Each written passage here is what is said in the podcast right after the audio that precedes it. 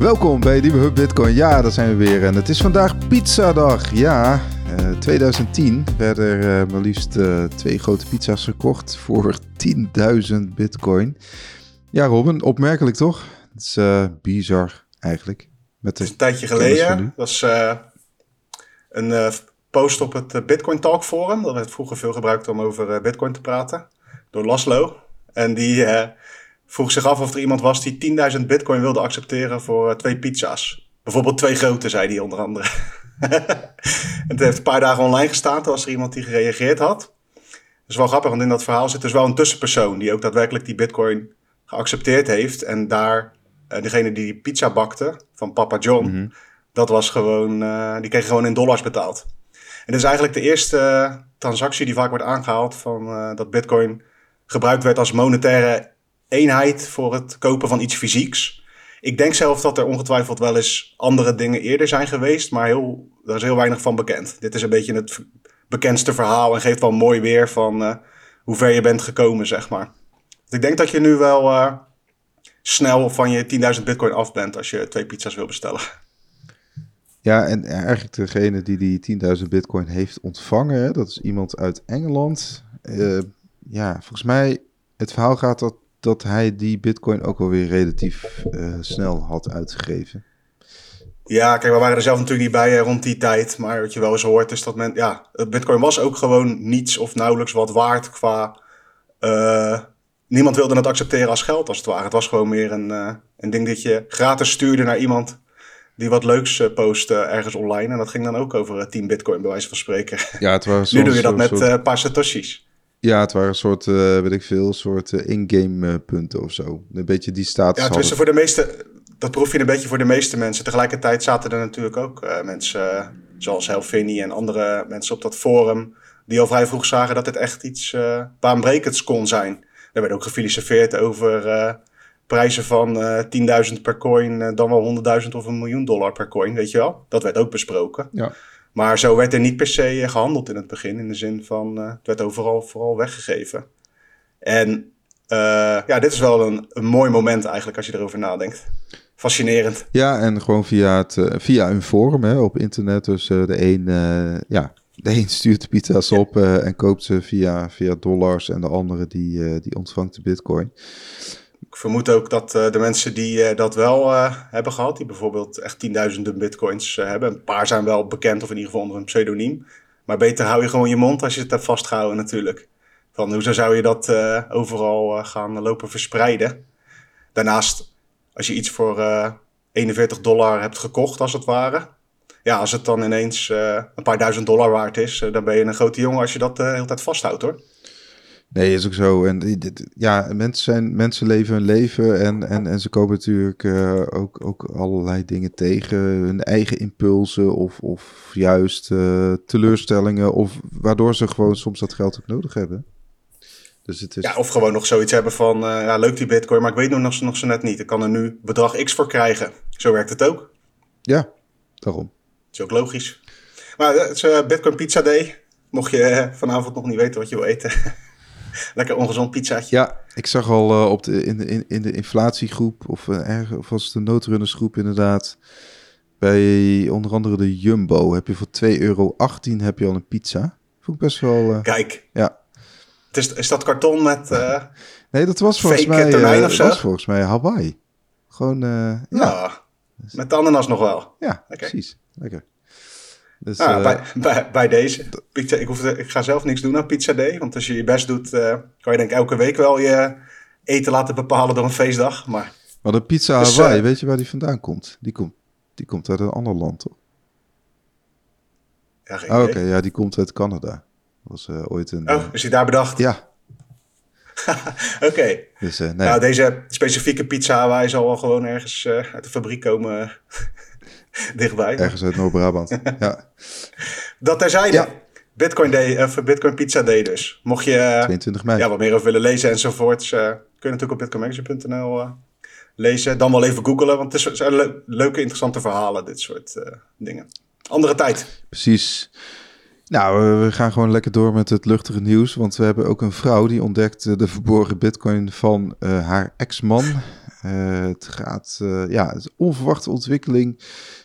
Ze ontdekte dat ja, zijn man, haar man moet ik zeggen, 12 bitcoin had verzameld zonder dat ze het wist.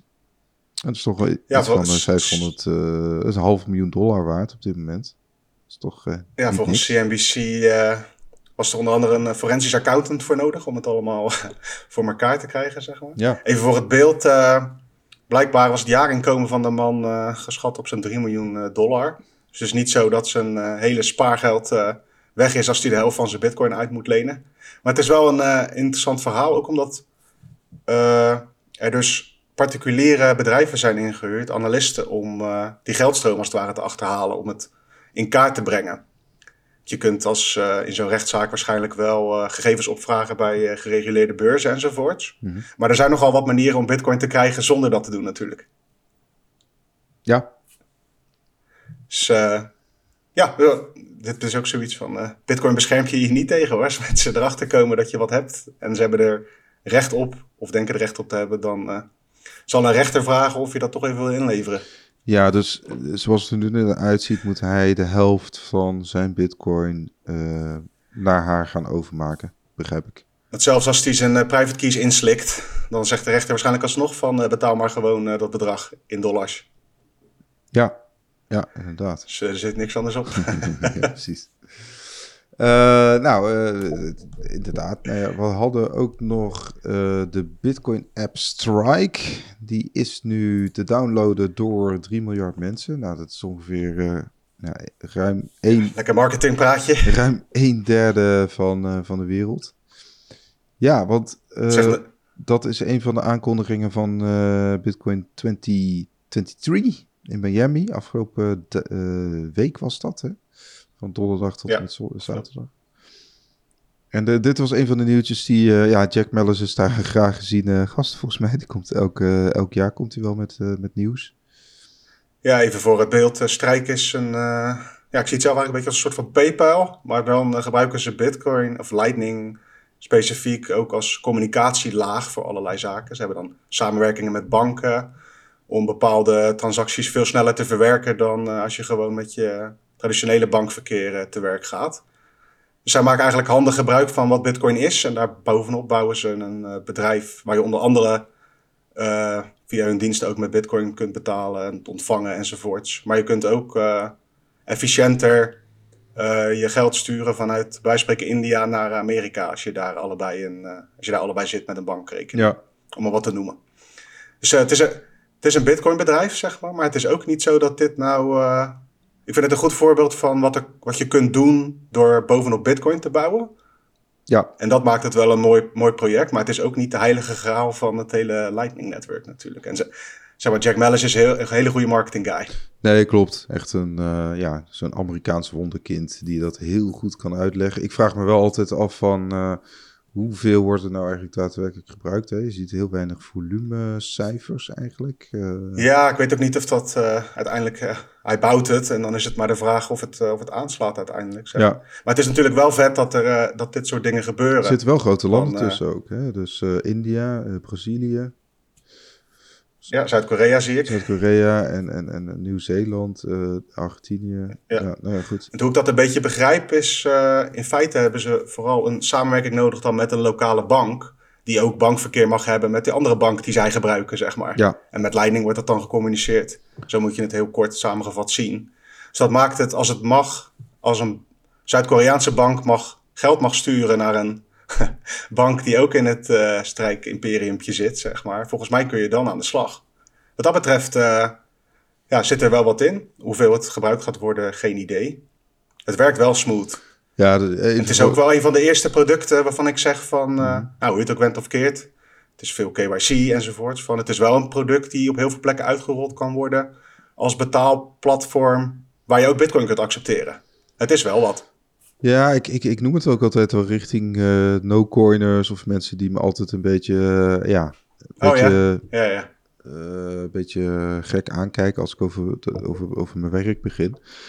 Maar omdat, ja, dit, dit is dan heel, voor heel veel mensen concreet. Hè? Je kunt gewoon, je kunt gewoon fiat geld versturen, hè, dollars, euro's, ponden of andere pesos. kun je gewoon versturen via het Bitcoin-netwerk. Dan moet je wel even uitleggen hoe dat nou precies werkt. Maar uit, voor heel veel mensen is dat van... oh, het is dus een uitdager van uh, Western Union en MoneyGram. Ja, dat zijn ook echte schurken.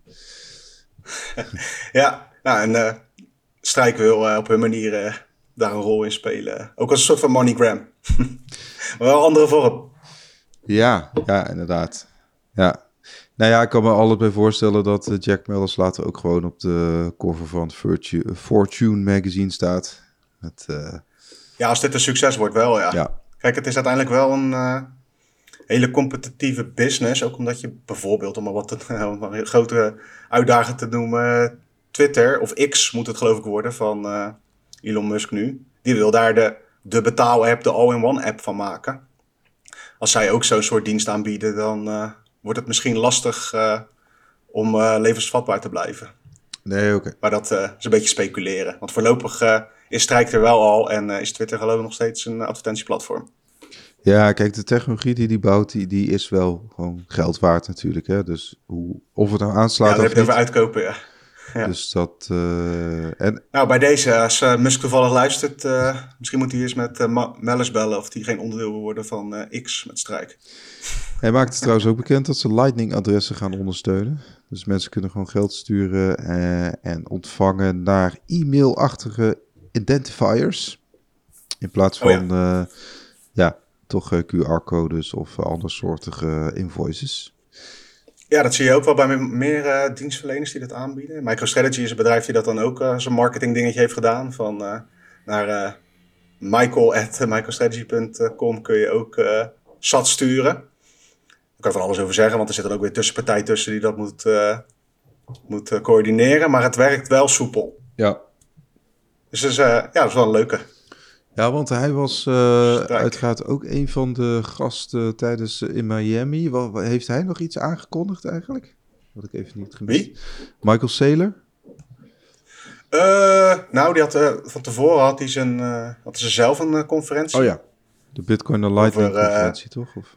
Dat sluit een beetje aan bij Strijk in de zin van dat die conferentie ging heel erg over hoe businesses Bitcoin kunnen gebruiken naast gewoon als geld, zeg maar. Ja. En uh, daarnaast ja, had hij gewoon weer zijn standaard praatje, weet je wel, met goede quotes. Ik heb het nog niet helemaal teruggekeken uh, allemaal. Nee. het is vaak wel een beetje het, uh, hetzelfde. Sowieso uh, valt het qua nieuws wel mee. We kunnen nog wel even wat anders erbij pakken, want er was ook... Over Indonesië, Iemand uit India, of in Indonesië inderdaad, sorry. Die was een gouverneur, die kwam langs. En samen met Samson Mao. Oh, ja. En die is CEO van Jan Tree. En dat is weer een, een bedrijf die zich volledig richt op het uh, orange pillen. Lekker hip heet dat. Of uh, lekker hip. Uh, van landen. Oh ja. En die hadden het dus over een bitcoin mining campagne. En daarnaast ja, deze specifieke gouverneur van West-Java.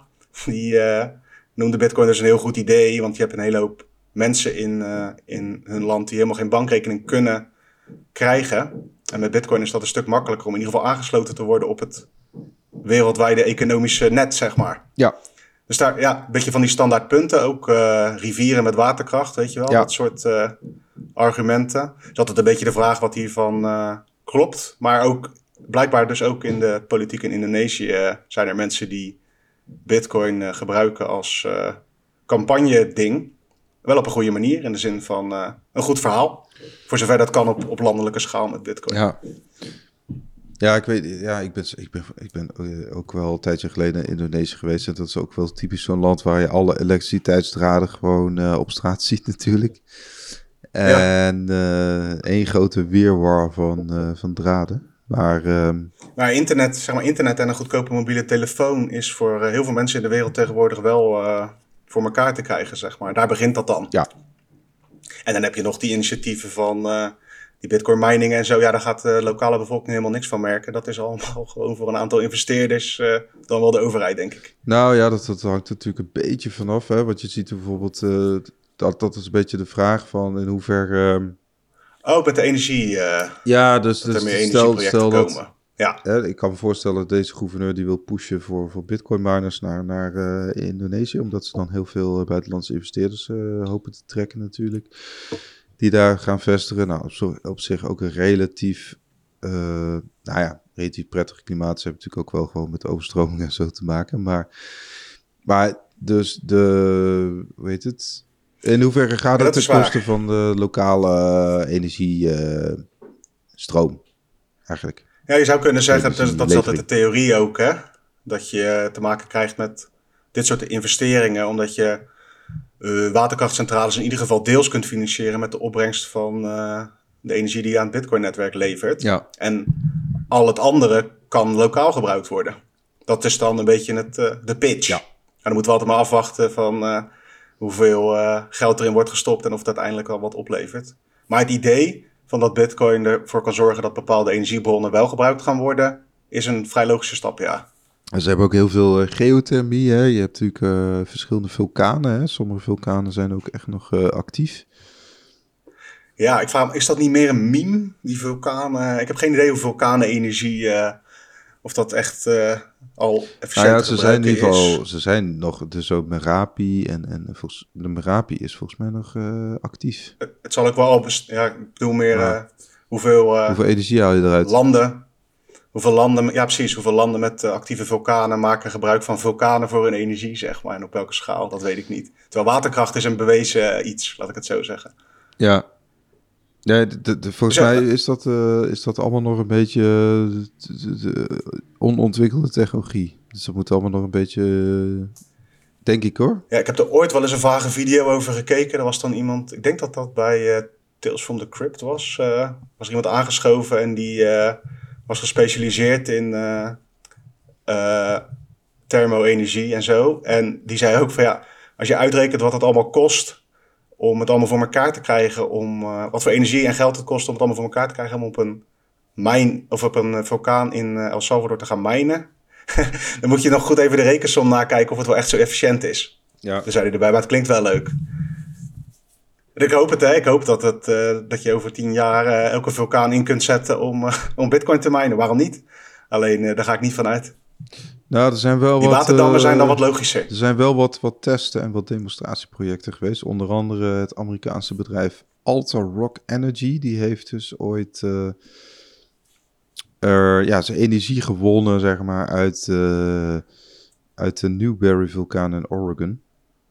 Dus, ja, Wel vet. Ja, Ik zit me dan voor te stellen dat je gewoon een of andere afgela of, uh, afgelegen eilandje hebt... waar ook een vulkaan uh, nog een beetje actief is. waar een soort van uh, een groepje mensen gewoon een heel bitcoin-dorpje in elkaar draaien... Voor, op basis van ja. thermo-energie. Heeft, heeft Beetje science fiction, eigenlijk maar... vulkanen? Ik, ik denk het niet, maar weet ik niet. Nee, ja, ja, ze hebben wel bergen natuurlijk. Ja, dat klopt. Maar dus uh, Sam Samau uh, was weer even van de partij. En die, ja, dat is dus iemand die actief bezig is met het uh, lobbywerk van Bitcoin naar, naar landen brengen. Wat zou zijn verdienmodel zijn? Zou die gewoon consultant fee krijgen en zo, een sprekersfees? Ja, dat denk ik, ja. ja. Zoiets. Gewoon een uurtje factuurtje. Nee, maar de vorige editie had hij het toch over... Uh, God, hoe heet het eiland bij, in Portugal ook alweer? Madeira? Madeira. Hm? Daar had hij het over, toch? Daar hoor je toch ook helemaal niks meer van. En hij had een of andere... Nou, dat is nog wel gaande hoor. Daar zie je Costa Rica. Eens, uh, in Madeira zie je wel eens uh, filmpjes voorbij komen van die bekende, bijvoorbeeld Amerikaanse Bitcoin-influencers. Die worden daar wel even af en toe ingevlogen. Oh, Oké. Okay. Dus dat, uh, dat speelt ook nog wel. Oké. Okay. Nou ja, goed. weet je, het is goed dat hij doet. Spread, de, spread het evangelie, de, daar, daar komt het uit. Het is eigenlijk ja, een soort nou, missionaris. Het is ook geen kritiek of zo. Het is meer, uh, ik vind het wel fascinerend hoe zo iemand dan zo'n positie inneemt, zeg maar. Ja. Gen 3, ga met die banaam. Op zich kunnen we het sprongje nog even maken naar, als we het toch over politieke agenda's hebben. Bij, de Bitcoin, bij die Bitcoin-conferentie is ook vaak wel ruimte voor uh, politici op de een of andere manier. Mm -hmm. Die mogen daar gewoon vrijheid hun, uh, hun campagne voeren. En Kennedy Jr. was ook van de partij. Oh, ja. Die heeft zich beschikbaar gesteld als, of verkiesbaar gesteld als uitdager van uh, Joe Biden voor de democratische ticket. Ja, Robert F. Kennedy. Ja, die heeft echt als agenda van, uh, ja, die is dus van de Kennedy-familie. Die roept ook gewoon, uh, CIA heeft mijn oom vermoord. Oom is het geloof ik, ja. ja. omgelegd of in ieder geval.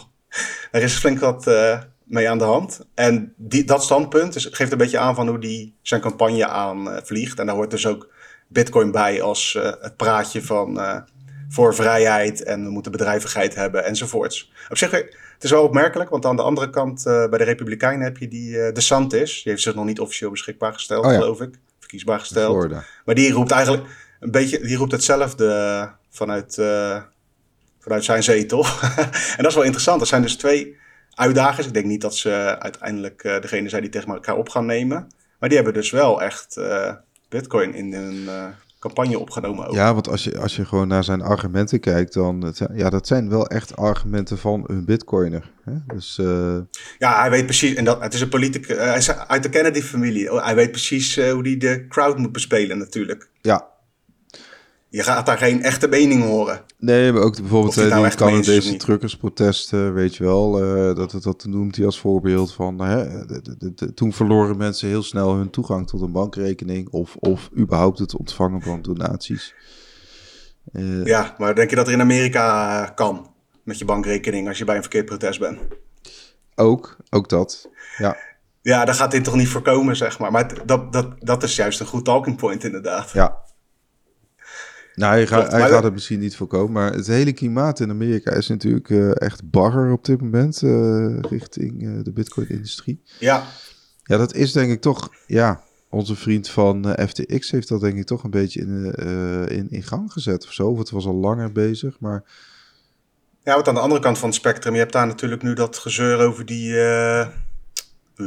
Schuldenberg, hoe noem je dat? Die debt ceiling die omhoog moet. Ja. Biden noemt dan ook specifiek, er waren blijkbaar een paar eisen naar voren geschoven vanuit de Republikeinen of zo.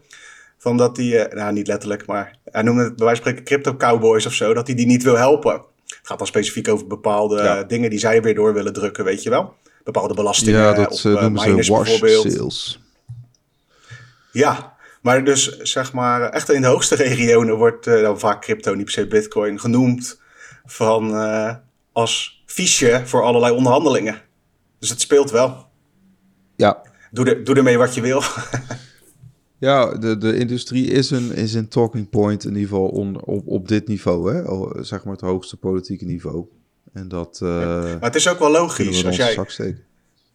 Tenminste in die als jij als organisatie, zo'n uh, Amerikaanse overheid, zeg maar in de kern, is die gewoon afhankelijk van uh, die, die reservestatus van, reservemuntstatus van de dollar om het allemaal zo uh, te doen zoals ze het nu doen. Hmm.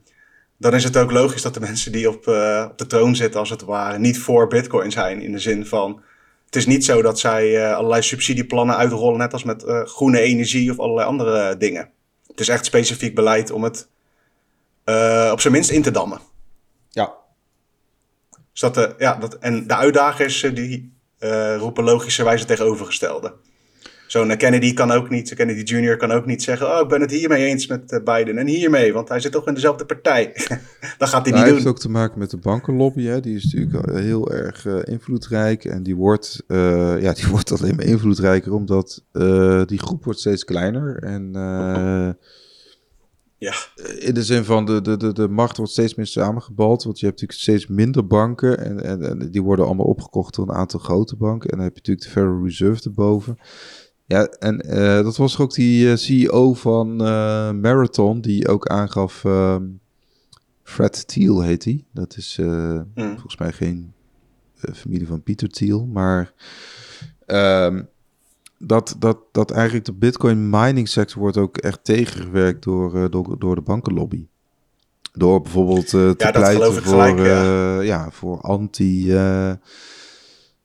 anti-miner beleid. Hè? Of dat nou is voor het verstrekken van vergunningen, het verhogen van de belastingen. Hè? Want Biden wil ook belastingen gaan verhogen op, op mininginkomsten.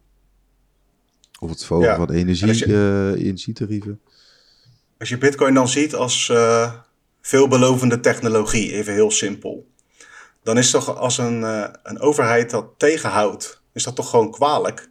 Mhm. In de zin van, het is echt alsof we, als je, als je ervan uitgaat dat Bitcoin nuttig kan zijn voor de mensheid, dan is het heel kwalijk dat ze als een soort van, uh, zoals de printing press uh, was met de kerk, dat ze dat tegen probeerden te houden.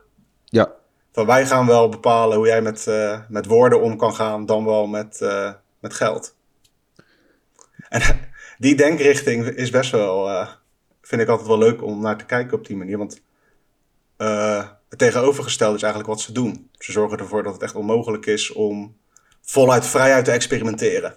Of je dat moet willen is een tweede, maar dat, wordt in ieder geval, dat is in ieder geval niet beleid. We gaan maar aan de slag. We gaan er een, ja.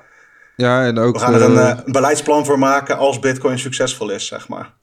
In zekere zin van wie, van, van wie is de energie ook. Hè? Dus in hoeverre kun je bepalen waar die energie voor gebruikt wordt natuurlijk. Hè? Dat, dat, dat is natuurlijk een hele lastige... Ja, dat, ga je, dat ga je nu zien. Als het zo meteen in de wet staat, dan gaan zij gewoon zeggen... nou, als jij die vieze bitcoin mined uh, met je energie...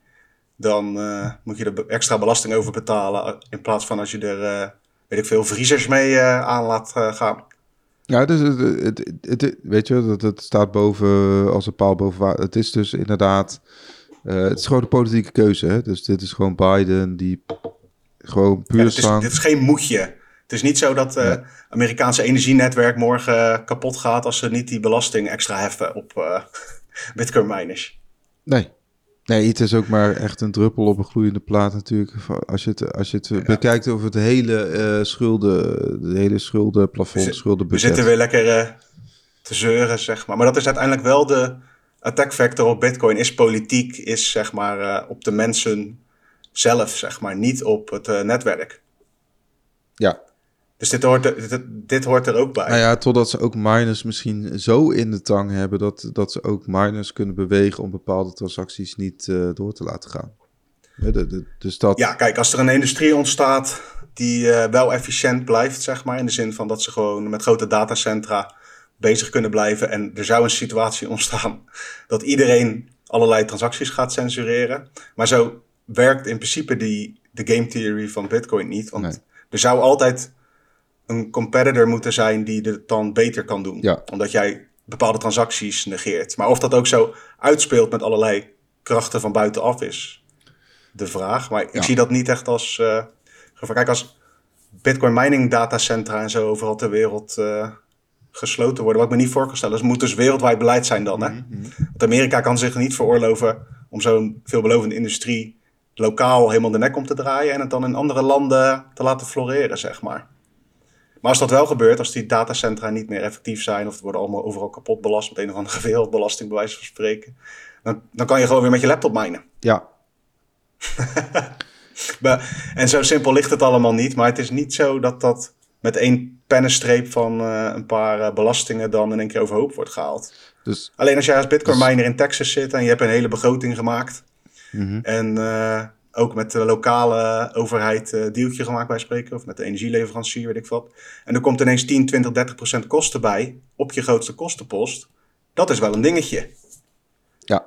ja dan kan je net zo goed in, in Canada gaan zitten zolang het daar nog mag, bij wijze van spreken. Zo simpel ligt het niet. Maar... Nou ja, de, de, er zal altijd wel een soort Gallisch dorpje zijn voor Bitcoin, toch? Er zal altijd wel een, een, een dorpje zijn die zegt van. Uh, El Salvador, toch? Bitcoin. Dat, is in de name? We leven echt in een simulatie. Wil je nog even wat nieuws doen? Wat zeg je? Ik zeg, zullen we nog even wat nieuws doen? Ik zat even te kijken. Oh, ja. Europese ministers van Financiën keuren crypto-verordening goed. Ja, even heel kort saai, maar uh, Europa bezig met uh, uniforme regels voor uh, de crypto-industrie. En dat is nu weer een stapje verder, dat goedgekeurd is door de Europese Raad. We hebben het er al vaak zat over gehad, maar in feite uh, ja. is het de bedoeling dat in 2024 en 2025 uh, regels worden uitgerold voor het omgaan met bitcoin en crypto en tokens enzovoorts in Europa. En dat is weer een stapje verder dus. Oh, 2026 zie ik hier zelf staan voor sommige dingen. Ja, zeg maar een beetje de nieuwe vergunningen voor de, uh, de, de, de crypto, uh, noem het, de asset service providers, de CASPs. Die, uh, dat begint waarschijnlijk januari 2026. En maar de regels voor de stablecoin uitgevers, dat is vanaf juli 2025. Dus dat is eerder. Ja, dan moet je denken aan Tether, aan Circle, aan ja, ook Binance heeft natuurlijk ook een eigen stablecoin. En de Europese Centrale Bank, of tellen die niet mee als stablecoin bedrijf? nee, nee, dat is een andere regelgeving, Robin. Oh ja, ja oké. Die hebben andere, andere regels. Even voor de... Ja, ik had zoiets van, misschien kunnen we kijken of we geld wat meer aan de markt kunnen overlaten, maar dat gaat voorlopig. Te radicaal, laten we het maar... Uh... Ja, nee, ja, binnenkort een verhaal met... Ehm, Willem-Jan Smits van Watson Law hebben we op bitcoinfocus.nl. Uh, dus uh, schrijf je in voor die nieuwsbrief. Dus uh, yes. Daar kun je binnenkort het nodige erover lezen, de ins en outs. ja, dan komt gewoon het registratieregime gaat eruit. Er komen nieuwe vergunningen. Waarschijnlijk, waarschijnlijk dus nog niet zeker AFM, hè, Autoriteit Financiële Markten, gaat die vergunningen verstrekken. Eh, nogmaals, het is pas vanaf 2026. Dus uh, tot die tijd is het DNB gewoon toezichthouder. Um, ja, ik ben benieuwd hoe dat uitpakt. Want dat, er zit ook nog wat haken en ogen aan. Want elk land moet dat toch ook weer op zijn eigen manier interpreteren en zo. Ja, maar het hele idee is dat... Uh, ik noem wat nu heb bijvoorbeeld de Bitfavo wil bijvoorbeeld in, in, in, Duitsland aan de slag. Nou, dan moeten ze daar helemaal door de, door de mallenmolen heen. In principe, hmm. als je dan een vergunning hebt bij de AFM, of, hè, dan kun je dat paspoort naar andere Europese landen. dat, dat is allemaal toekomst. Ja, dus het zou uh, voor uh, bedrijvigheid moeten zorgen binnen Europa. Alleen het, het stukje anti-witwasdeel, hè, dus het, het, het, stukje de toezicht op het, op het uh, witwasbeleid, uh, of anti-witwasbeleid moet je zeggen. Ja, dat, dat blijft nog wel in handen van DNB en dat zal nog wel nationaal geregeld zijn, omdat dat, dat is dan weer, ja, dat, dat kan elke lidstaat zelf inrichten. Ja. Dus er zitten oh, nog best wel wat nuances aan, maar um, ja, ik, ik denk... Um, ik denk dat dit ook weer voor de nieuwe golf gaat zorgen voor... Um, ja, misschien toch, je hebt natuurlijk best wel wat, wat aanbieders waar je relatief weinig over hoort. Hè? Dus een beetje toch de aanbieders die al best wel lang bestaan. Maar ja, ik denk, de, de, de vraag is een beetje wie gaat uh, de volgende golf uh, overleven?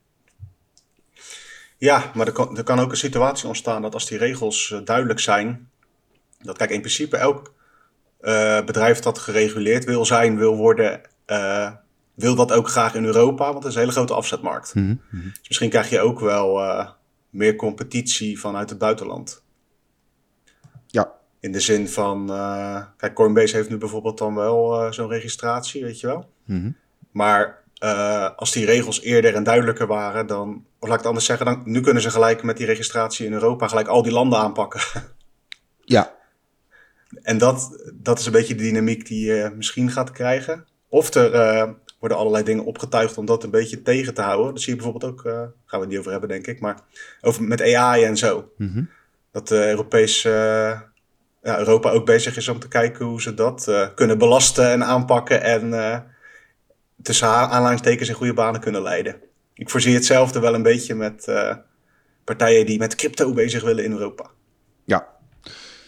Nee, ja, dat, dat, dat wordt gewoon, zeg maar, de, de, alle spelers die mee, uh, mee gaan doen met deze wedstrijd, die, uh, ja, die zullen aan steeds meer regels moeten voldoen. Dat, dat, daar komt het eigenlijk op neer. En uh, ja. dat zie je ook bij banken. Hè. Bij banken krijgen elk jaar krijgen ze nieuwe regels. En ja, zo zal het ook voor crypto service providers zijn. En dus het, het, het aantal ja, compliance mensen groeit. Het aantal advocaten. Het is ook niet op Bitcoin gericht. In de zin van, het is wel zeg maar, specifiek op wat er nu aan het ontwikkelen is met Bitcoin. Maar banken en andere partijen die met geldstromen bezig zijn, die hebben dit ook. ja. Dus zeg maar, iedereen uh, wordt in die malle molen gestopt van regels en richtlijnen. En dan heb je, als je ja, valt heel handig bent niet als onder, grootbank. Dus, ja, dus, klopt. Dus, dus bijvoorbeeld ja, het uitlenen van je crypto's valt er niet onder. Al, al die NFT shit en zo valt er allemaal nog niet onder. Dus dat, dat, dat is... Dat... Hoe heet dat? Moeten daar weer amendementen voor komen? Nou, dan krijg je gewoon Mika 2. Dus, oh ja. Dus, uh, gewoon in de volgende versie. Ik moet wel zeggen, in Europa kunnen ze wel nog werken aan hun uh, namen voor dit soort dingen. In, uh, in Amerika hebben ze gewoon de Patriot Act. Weet je? Nou, klinkt heel lekker. Ja. Dan moeten we in, in Europa ook nog hebben. Choke, choke Point version 2. ja. Build Back Better, weet je. Ah, dat heb je overal gehoord. Ja. Maar, nee, in Amerika heb je, je gewoon Hollywood, hè. Die kan dat goed, dus. Ja, dat, crypto in asset market of crypto markets, asset triple the pup. Dat klinkt toch niet lekker? Je moet een. Uh, uh, the future of crypto, weet ik veel. Maak er wat moois van. Laat het in ieder geval nog lijken. Stel je gewoon een heel stoffig kantoor voor ergens in de achterbuurt in Brussel. en, en dat is, dan zitten twee, ja, twee mensen zitten daar zeg maar op een, op, een, op een donderdagmiddag te bedenken, zoiets. Dus dat... Ja, en dan uh, na de middag uh, vliegen ze naar, even naar Frankfurt, want dan hebben ze daar nog even een vergadering. Vergeet Strasbourg nee, niet dat is flauw. Kijk, wat ik een beetje heb met deze regels, van ze gaan er komen en ze moeten er vanuit Europa gaan komen. Dat is het beleid. Ja. Alleen of het, het bij kan houden van wat er allemaal staat te gebeuren, dat betwijfel ik. Zeg maar, als je 2026, dat is drie jaar verder. Drie jaar geleden zag die Bitcoin-wereld er ook wel nog heel anders uit. Ik denk dat dat alleen maar meer gaat worden. Ja, nou, in hun eigen ogen zijn ze volgens mij heel vernieuwend bezig. Dus dat. Uh... Ja, misschien is het ook wel een moedje, hè? Misschien zit er niemand wel op te wachten, maar is het toch een beetje wat je moet doen als je op die stoeltjes zit? Ja. Ik weet het niet. Ja. Nou, jij trekt binnenkort ook uh, Europa in, toch? Dat is een beetje het plan. Hey, uh, Zoek verhoogt limiet voor betalen van belasting met bitcoin naar ruim anderhalf miljoen euro. Ja, dat had ik gisteren geschreven, inderdaad. Op zich heel positief. Ik dacht in eerste instantie dat het. Uh, maar het is juist positief. Je kunt gewoon eigenlijk uh, meer, uh, meer afrekenen met Bitcoin. want eerst lag die limiet op 100.000 Zwitserse franken. En dat is nu anderhalf miljoen. Waar? In Zoek? Zoek in Zwitserland. Oké. Ja. Eigenlijk gewoon meer, meer belastingen betalen met Bitcoin. Daar komt het eigenlijk op neer. Dus. Jee. Ja. ja dat is wel ook wat je op kleine schaal ziet. Van uh, gemeentes of zo die zeggen van hé, hey, lever je bitcoin maar bij ons in. Ja, Zoek is een kanton. Dat is denk ik dan een soort uh, klein regiootje uh, in de regio. Ja, je hebt Zurich en Zoek. En Zoek is natuurlijk een beetje, dat, dat wordt de Crypto Valley genoemd. Daar zitten relatief veel crypto- en bitcoin bedrijven. Uh, ja, het is ook dus interessant voor hun om dat op die manier te doen. Want er zullen dat misschien daadwerkelijk ook partijen zijn of mensen zijn die dat willen op die manier. Ja, wel Belastingdienst gewoon uh, de franken krijgt hoor. Want zit, de, de, de Bitcoin Suisse, uh, dat is die, uh, zit er als onwisselkantoor tussen. Dus... Daar zit alles tussen. Die zit overal tussen in Zwitserland, lijkt het wel, als het gaat over Bitcoin. Ja, die zijn, dat is eigenlijk een beetje de Bitonic van, van Zwitserland. Die, dat is volgens mij het oudste Bitcoin-bedrijf ja. van dat land. Oh. Die hebben gewoon uh, goede banden met de overheid in ieder geval. Ja. We kunnen nog wel even een uh, technisch nieuwtje doen. Dat was uh, ja. een nieuwe tweede laag gepresenteerd oh, ja. voor bovenop Bitcoin. ARC? TBDX. Oh ja. Ja, precies. Mocht je de vorige uitzendingen ooit een keer gehoord hebben, dat ging over TBDX. Dat was een project van developer Burak en onder andere Jack Dorsey is er ook mee bezig. En het gaat nu door het leven als ARC. En je moet het een beetje zien als een alternatief op het ja, zoiets inderdaad. Maar dan, uh, Noah's Ark is in het Engels met een C of niet? Nee. Nee, eigenlijk niet. Nou, nou in ieder geval, Ark uh, is de bedoeling dat dat een laag is die mensen gaan gebruiken om uh, ja, ook transacties te doen. Net als met Lightning Network, niet on-chain, maar op een andere manier. Mm -hmm.